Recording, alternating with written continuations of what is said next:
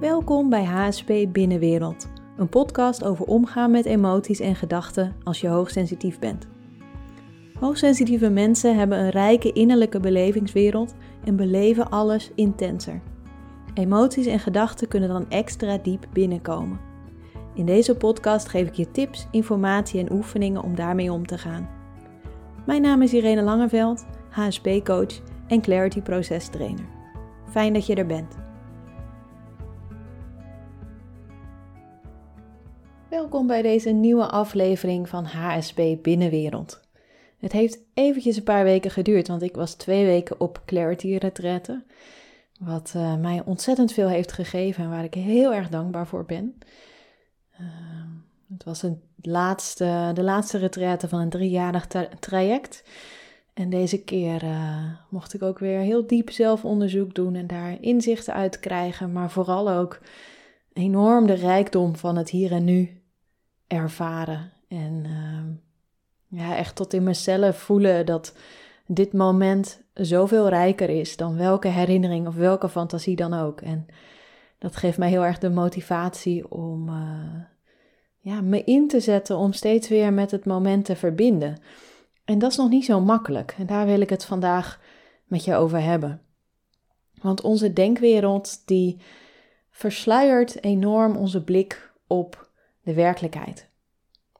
Het is alsof we door een bril kijken en die bril die is niet helder. Die bril die is vies. En misschien zijn er hele kleine stukjes van die bril die wel helder zijn. En soms als je daar doorheen kijkt en je hebt hem precies in de goede houding, dat je dan een glimpje van de werkelijkheid van het hier en nu op kunt vangen. En dat zijn dan de momenten dat je je ontspannen voelt, je geen zorgen maakt en dat je ja, ook werkelijk hier en nu aanwezig kunt zijn. Maar meestal vertroebelt die bril ons zicht op de werkelijkheid. En er zijn gelukkig wel een aantal dingen die je kan doen om die bril wat op te helderen. Maar dat is niet iets wat ik jou. Ik zou dolgraag, zeg maar, iedereen mijn ervaringen willen geven of vergelijkbare ervaringen, want iedereen heeft natuurlijk zijn eigen ervaringen. En dat gaat natuurlijk niet. Maar ik kan je wel in deze podcast en ook in mijn Clarity cursussen vooral um, wat aanwijzer, aanwijzers geven. Signaal, hoe zeg je dat? Richtingaanwijzers. Waar je zelf mee aan de slag kunt om ja, stapje voor stapje je blik wat te verhelderen en hopelijk ook met wat meer zachtheid met jezelf en met je gedachten en gevoelens om te gaan. Vandaar ook natuurlijk de titel van deze podcast. En de belangrijkste dingen die je kunt doen om die bril helderder te krijgen, dat is ten eerste ja, helderder krijgen hoe jouw denkwereld in elkaar steekt. Want die denkwereld, dat is eigenlijk die bril. Die denkwereld die haalt ons de hele tijd uit het moment. Je zou zelfs kunnen zeggen dat de denkwereld niet eens geïnteresseerd is in het moment. De denkwereld is geïnteresseerd in je overleven. Het is ons beschermingsmechanisme. Daar heb ik het in de afgelopen twee afleveringen over gehad. Dus het denken is de hele tijd zijn best aan het, aan het doen om jou te beschermen voor potentieel gevaar in de toekomst. Daarbij helemaal missend dat dit moment geen enkel gevaar in zich draagt, in de meeste gevallen. Maar het is handig om te weten hoe jouw denkwereld in elkaar steekt en wat jouw thema's zijn, wat de thema's zijn waar jouw denken zich zorgen over maakt. En dat is nuttig omdat als je dan die vaste patronen als het ware herkent, dan wordt het makkelijker om het van een afstandje te bekijken en te zien, oh ja, wacht even, nu zit ik daar weer in. En op het moment dat je het kunt waarnemen, ben je er niet meer 100% in. Dat is een heel groot verschil. Dat geldt ook voor emoties. Als je helemaal in een emotie zit en helemaal gelooft in het verhaal van de emotie, is dat iets heel anders dan als je jezelf ergens kunt waarnemen en kunt zien: oh, wacht even, maar ik ben dit gevoel door mijn lichaam aan het laten stromen. Dus het is een, ja, er zit een stukje afstand in, een stukje uh, waarnemen en er niet meer helemaal mee geïdentificeerd zijn, waardoor het fysiek nog hetzelfde proces is, want er gaat verdriet door je heen of een angst of iets anders. Maar op het moment dat jij uh, uit het verhaal stapt, dan kun je je lichaam als het ware zijn werk laten doen en die emotie verwerken, zonder dat je helemaal verstrikt raakt in het verhaal daarvan. Dat was even een detour, want ik had het eigenlijk over helder krijgen van hoe je denkwereld werkt, hoe, wat jouw thema's zijn. Ehm, maar de tweede stap is dat je ruimte geeft aan eventuele onderliggende gevoelens, spanningen, angsten. En dat is een belangrijke stap. Want als we alleen maar proberen om niet meer te identificeren met de verhalen en we geven geen ruimte aan uh, de gevoelens, de spanningen, ook vaak de oude spanningen, want heel vaak zijn het kindstukken die zich laten zien, die gewoon vragen om gezien te worden. Op het moment dat we dat gaan onderdrukken, dan ben je jezelf niet aan het helpen en dan ben je die bril ook niet helderder aan het krijgen. Dus er moet ruimte zijn om die gevoelens te kunnen uiten. En dat is ook heel gezond. Het is ook een heel groot geschenk voor je lichaam. Dat je lichaam niet meer hoeft te onderdrukken. Dat je lichaam spanningen kan loslaten, emoties kan loslaten, dat het kan stromen. En daarmee uh, help je jezelf enorm. En het is echt een grote valkuil om te denken: oh ja, ik moet het begrijpen en ik moet het zien en ik ga eruit stappen.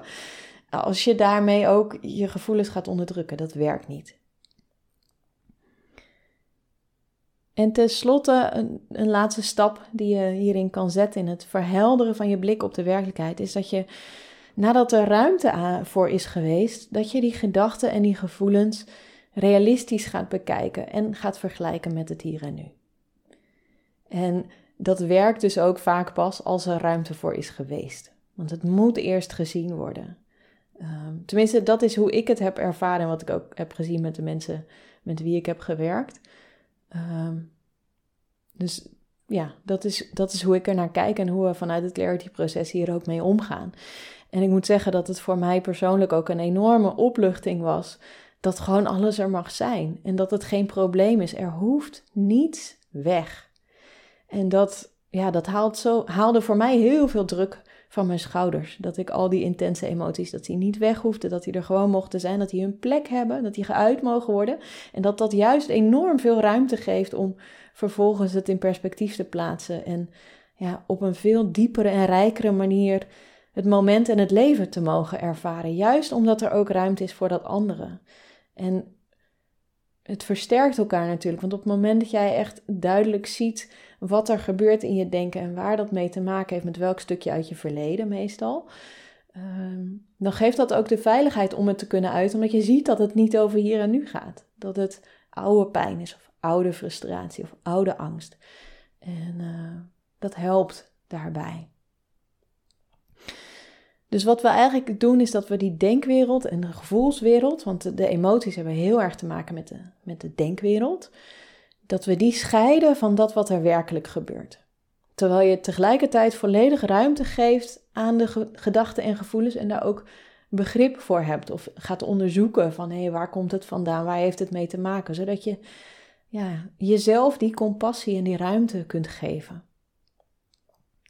Want het is nou eenmaal zo dat we heel vaak reageren op wat we denken dat er gebeurt en niet op wat er werkelijk gebeurt. En wat we denken dat er gebeurt, dat is die bril. Dat heeft te maken met je eerdere ervaringen. En iedereen heeft dus een unieke bril. Want vanaf je geboorte, of misschien al eerder, heb jij een unieke reis afgelegd. Er is niemand die jouw leven heeft geleid. Dus er is ook niemand die door jouw bril naar de wereld kijkt. Dus het is ook een heel individueel proces om jouw bril op te helderen. In deze aflevering wil ik het hebben over dat onderzoeken van je denkwereld. En in het clarity-proces noemen we de denkwereld ook wel een zorgenmachine, omdat het zich nou eenmaal ontzettend vaak, bijna altijd, zorgen maakt.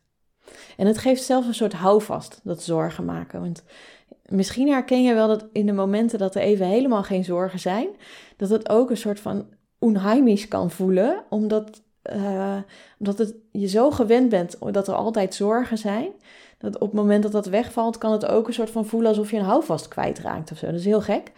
Maar op een bepaalde manier is zorgen maken ook een houvast voor het denken. En ja, zorgen maken is gewoon wat het denken doet. Dat heeft te maken met zijn functie. Dat heeft te maken met dat het een beschermingsmechanisme is. En een overlevingsmechanisme voor mensen. En ja, daar, dat hoort hierbij, zeg maar. En het is ook niet zo dat, ehm, dat die zorgen op een gegeven moment stoppen. Het is wel zo dat je de zorgen in perspectief kan zien, waardoor ze geen, of heel veel minder impact op je hebben. Of misschien wel geen impact meer. Dat je het alleen maar kunt observeren. Oh ja, nu is die zorgen. Nu maakt mijn denken zich zorgen over dit. Of nu is weer die emotie die even aangeraakt is. En dat het oké is en dat het je niet meer uit balans trekt. En ik vergelijk zelf mijn denkwereld ook wel eens met een hond die graag een bot heeft om op te kauwen. Dus ik weet ook dat vooral in periodes dat ik me heel erg goed voel, dan weet ik dat mijn denken bepaalde zorgen terugpakt. Dus bepaalde standaard zorgen die gewoon vaak voorkomen, ja, daar, gaat mijn systeem zich dan ineens weer zorgen over maken. En uh, dat kan ik dan herkennen als, oh ja, die, de hond wil weer eventjes een bot hebben om op te kauwen. En dan laat ik die hond daar lekker op kauwen. En ondertussen kan ik dan mijn bewustzijn verruimen en, en met het hier en nu verbinden. Maar dat is door alle ervaring die ik heb. Dus ga ook niet, um, stel ook niet te hoge verwachtingen aan jezelf. Want dit is een proces waarbij elk klein stapje waardevol is. Het is een weg van kleine stapjes. Voor mij ook nog steeds. Het zijn meestal kleine stapjes die je weer verder helpen. En dan val je weer eventjes terug, omdat het ook weer spannend is als je stappen zet. Dus dan gaan er weer andere dingen aan. Dus het is een soort van uh, zaagtand omhoog, als het ware. En je kan geen tanden skippen. En uh, dat zou ook misschien wel zonde zijn. Het is ook gewoon een mooie reis om te ondernemen. Maar over die zorgenmachine, die denkwereld. Ik heb hier in mijn werkkamer een hele mooie foto hangen van een hele grote boom op een heideveld. En die boom die gebruik ik vaak als, uh, als een, uh, noem je dat? Een metafoor. De blaadjes aan de uiteinden van die boom, die kun je vergelijken met de dagelijkse zorgen. En dat zijn hele dagelijkse, praktische, concrete zorgen. Misschien herken je ze niet eens als zorgen, maar is het gewoon iets wat jou een lichte vorm van spanning geeft. Bijvoorbeeld als je ineens denkt: Oh, heb ik die e-mail wel verstuurd? Of uh, ik moet een cadeautje nog kopen voor die en die. Of um, oh ja, ik moet echt eventjes die en die bellen. Of uh, nou ja, iets over wat je nog moet doen. Of wat je misschien bent vergeten. Of wat je misschien verkeerd hebt gedaan. Al die dingen. En als je die dagelijkse zorgen gaat onderzoeken of bevragen aan jezelf van hé, wat zit er nou onder? Waar ben ik nou eigenlijk bang voor? Wat zou er kunnen gebeuren als dit misgaat, bijvoorbeeld? dan kom je er waarschijnlijk achter dat onder die dagelijkse zorgen diepere zorgen liggen. Bijvoorbeeld als je bang bent dat je iets verkeerd hebt gedaan of dat je iets vergeten bent, dan zou daar zomaar uh, een angst onder kunnen zitten, de angst om afgewezen te worden. Komt heel veel voor, is misschien wel een algemeen menselijke angst, de angst voor afwijzing. En dan kun je die angst voor afwijzing zien als een van die grotere takken van die boom, waar die kleinere takjes en blaadjes uit voortkomen. Maar dan ben je er ook nog niet, want onder die angst voor afwijzing zit meestal nog een diepere angst. En misschien is dat niet zo voor de volwassene die je nu bent, maar wel voor het kind wat je vroeger was. En omdat ons hele denksysteem eigenlijk ja, is ontwikkeld en uh, eh, eigenlijk is als een soort computer die je hebt geprogrammeerd toen je heel klein was. Uh, werkt het denken ook nog vaak alsof je nog een kind bent. Dus er zitten ook nog vaak kindzorgen en um, kindemoties onder. En dat merk je als je echt ergens in geraakt wordt. Dat je dan uh, jezelf ziet reageren als, als, als een kind of, of heel, heel intens reageren op iets wat eigenlijk niet zo groot is. Of je ziet het bij anderen, dat is misschien nog wel makkelijker om het bij anderen te zien. Dat je ziet van, oh, maar hier wordt iets veel diepers aangeraakt. Nou, daar gaat dit ook over. Dus als je kijkt naar die angst voor afwijzing en je vraagt je af van, hé, hey, maar welke zorg zit daaronder? Wat is het ergste wat er kan gebeuren als ik afgewezen word? Vanuit het kind dat je vroeger was. Nou, wat dan zou kunnen opkomen is dat je dan bang bent om bijvoorbeeld dat, dat je ouders niet van je houden of dat er niet van je gehouden wordt in het algemeen. En dat is dan nog een grotere tak van die boom. Dus die, die takken die gaan in elkaar over en naarmate je dichter bij de stam komt worden die takken steeds dikker. En uh, de stam van die boom heeft met overleven te maken. Nou, als je bent bij de angst dat er niet van je gehouden wordt, dan ben je waarschijnlijk al heel dicht bij die stam. Want ja, als er niet van een kind gehouden wordt, dan kan daar een zorg onder liggen dat er niet voor je gezorgd wordt. En als er niet voor een kind gezorgd wordt, dan kan het niet overleven. Dan ben je bij de essentie. En zo kun je verschillende zorgen kun je terugleiden naar, naar de kern. En het is fijn om een beetje zicht te krijgen op die verschillende angsten die spelen. En ik ben zelf nogal een gestructureerd persoon, dus je moet maar kijken of dit je past. Maar het kan bijvoorbeeld heel interessant zijn om eens een, tijdje na te gaan of een dagboekje bij te houden of zo, waar je je zoal zorgen over maakt. En te kijken wat de terugkerende thema's zijn. En dat je zicht gaat krijgen op, oké, maar dit zijn die takken van die boom. Dit is waar mijn denken zich de hele tijd mee bezighoudt. En als het je lukt om ook te kijken van, hé, hey, maar daar zit dus zo'n hele diepe angst om niet te overleven, zit daaronder. En dat maakt het dan ook vaak makkelijker om het te vergelijken met het hier en nu en te zien, oh, maar wacht even, maar dat is helemaal niet relevant nu. Want dat is het vaak. Weet je? De angst voor afwijzing die we hebben, die is heel sterk. Die, tenminste, voor heel veel mensen is die heel sterk. Bij HSP vaak nog wat sterker. Die kan een hele sterke emotie oproepen. Maar het is niet gevaarlijk. Die angst om niet te overleven zit eronder. Maar als we kijken naar ons leven nu, de situatie nu, dan is afwijzing echt hartstikke vervelend. En we zouden het liever niet meemaken. Maar het is niet echt een probleem. In de werkelijkheid van dit moment is het oké als het gebeurt.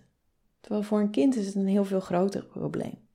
En dan krijg je een meer realistische blik op je eigen denkwereld en op je eigen zorgen. En het is ook heel erg behulpzaam om, als je dit soort zelfonderzoek gaat doen, om dan te eindigen, niet ergens midden in die angst, maar om jezelf terug te brengen naar wat is er hier nu? En gebruik je zintuigen. Kijk om je heen, luister naar de geluiden en check of je op dit moment in gevaar bent. En doe dat oprecht. En dan zul je 99,99% van de gevallen ontdekken: nee, ik ben niet in gevaar. Meestal op het moment dat je in gevaar bent, heb je geen tijd om dit soort werk te doen. Dan ben je namelijk aan het handelen. Dan ben je, uh, op, ben je snel de straat over aan het steken omdat er een auto aankomt, zeg maar. Dan ga je niet stilstaan om, om, om dit te doen. Dus kijk heel oprecht en kijk realistisch en breng jezelf terug naar de werkelijkheid van dit moment. En dat geeft ontspanning. En dat is ook wat echt is. Wat er in ons denken gebeurt is, ja, zou je een soort fantasie kunnen noemen, want dat gebeurt nu niet echt. Het kan zijn een herinnering van iets wat eerder wel gebeurd is, maar er nu niet meer is. Of het is een fantasie over iets wat er nog niet is. Dus dit is eigenlijk het enige wat echt is. En dat weten we vaak wel, dat horen we ook vaak, maar uh, om dat echt te beseffen, dat geeft heel erg veel. En het is, het, is niet zo makkelijk, omdat ons denken zo geprogrammeerd is om zich zorgen te maken, om te beschermen, om bezig te zijn met verleden en toekomst, om jezelf te verbeteren, om ja, te zorgen dat je veilig bent. En uh, soms als je de, de, de buitenste blaadjes van die boom, zeg maar, die dagelijkse zorgen gaat vergelijken met de werkelijkheid, dat is soms best wel lastig. Dus daarom kan het helpen om te kijken van hé, maar welke angsten zitten daaronder in, in mijn systeem. Het is natuurlijk voor iedereen anders, dus ik heb hier een voorbeeld gegeven. Maar het kan zijn dat die voor jou anders is. Dus het is heel belangrijk om je eigen intuïtie daarin te volgen. En op het moment dat je dieper komt, op diepere lagen van die angsten, wordt het makkelijker meestal om te zien dat het op dit moment geen probleem is. En dat het op, of dat het op dit moment niet realistisch is. Dat de kans gewoon niet realistisch is. En dat helpt je dan om ja, realistischer naar de werkelijkheid te kijken, om die bril wat op te helderen en om te gaan ervaren hoe rijk en hoe ondersteunend dit moment werkelijk is. Wat we alleen maar kunnen zien als we die bril schoonpoetsen of afzetten. En uh, nou ja, dat is nog niet zo makkelijk. Dus ik hoop dat je hier iets aan hebt om je eigen denkwereld wat beter te begrijpen, misschien wat verder te gaan onderzoeken. En om ook, ja, misschien, misschien dat het wat makkelijker wordt als je denken in een bepaald zorgenpatroon schiet, om het te kunnen observeren en het er te laten zijn, terwijl jij dan ook je, je bewustzijn kunt verruimen naar met je zintuigen waarnemen wat er nu werkelijk is. En of er nu werkelijk een probleem is. Of dat het nu eigenlijk oké is, maar dat het denken denkt dat er een probleem is. Dat is een heel groot verschil. Dat was het voor vandaag. Heb je vragen? Laat het me gerust weten. Ben je hier verder nieuwsgierig naar? Kom eens langs bij een Clarity Workshop. Of uh, beluister meer afleveringen van deze podcast. En uh, ik hoor je graag weer de volgende keer. Of jij hoort mij hopelijk weer een volgende keer. Dankjewel voor het luisteren naar HSP Binnenwereld. Wil je meer tips, oefeningen en meditaties? Ga dan naar irenelangeveld.nl voor de gratis mini-cursus In Balans met Hooggevoeligheid. En neem gerust contact met mij op als je iets wilt vragen of delen. Als je dit een fijne podcast vindt, abonneer je dan of laat een review achter. Graag tot een volgende keer.